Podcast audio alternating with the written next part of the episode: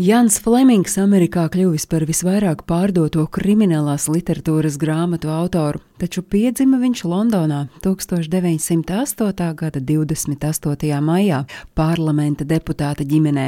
Zēns čakli mācījies un paaugoties nokļuvis Karaliskajā militārajā koledžā, bet diemžēl studijas tur nākamo rakstnieku nesot aizrāvušas, tāpēc mamma viņu sūtījusi mācīties valodas, un tā jauneklis uzlabojis vācu valodas prasmes Austrijā, bet franču Šveicē.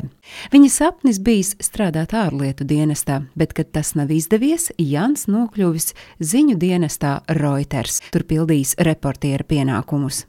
1939. gadā Jans Flemings iesaukts Karaliskajā jūras flotē, un tur viņa veiksmīgā loze bijusi iespēja kļūt par admirāļa Džona Godfreja personīgo asistentu. Tas bijis iespējams pateicoties tēta sakariem.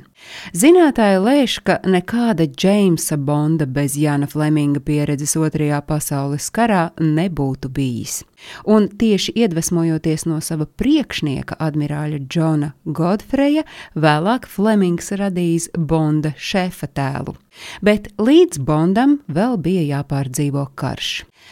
Un, ja karam sākoties, Jans Flemings nebija nekas, nu, nu labi, viņš bija Reuters korespondents, kurš vienu brīdi vēl pirms kara strādājis Maskavā. Tad karam beidzoties, Jans bija uzdienējies par jūras kara flotes izlūkošanas dienesta direktora asistentu.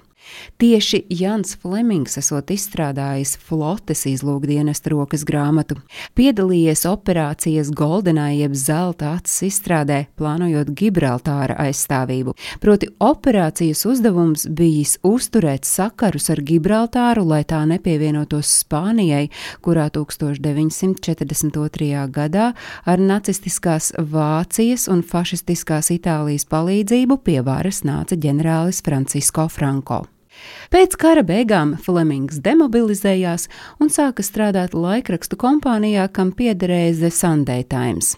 Bet paralēli ik gadu viņš trīs mēnešu brīvdienas pavadīja Jamaikā līdz, uzlabojoties finanšu situācijai, Flemings varēja pārcelties uz Jamaiku pavisam.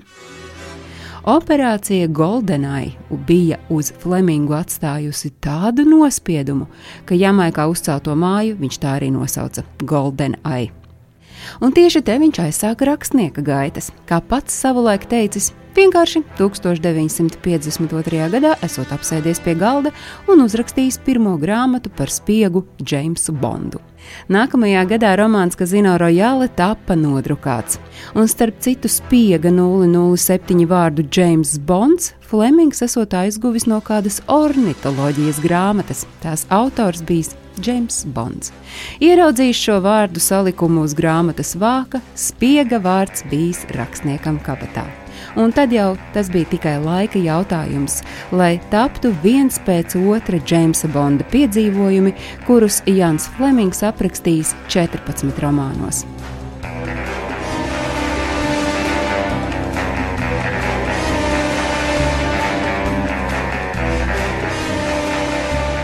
Pats autors par savu labāko darbu uzskata 1957. gadā sarakstīto ar mīlestību no Krievijas, un šis romāns esot ierindojies starp ASV prezidenta Džona Kenedija desmit mīļākajām grāmatām.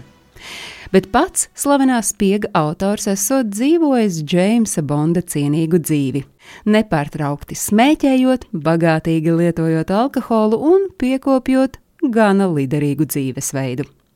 1961. gadā Flemings pārdeva producentam Harijam Zaltsmanam tiesības ekranizēt Jamesu Bondu, un vēl pēc gada iznāca pirmā filma Doktors Nē. Un starp citu romānu James Bonds esot pavisam citādāks nekā filmu varonis. Piemēram, Fleminga Džeims jokojas esot pavisam reti. Ir pavisam grūti novilkt to robežu, kur beidzas Jāna Fleminga reālā dzīve un sākas viņa radītā Džeimsa Bonda pasaule. Bet pats Jans Flemings nomira ar sirdstrieku 1964. gadā, tikai 56 gadu vecumā, un vēl pirms Džeimsa Bonda kulta rašanās, stāstīja Agnese Drunka.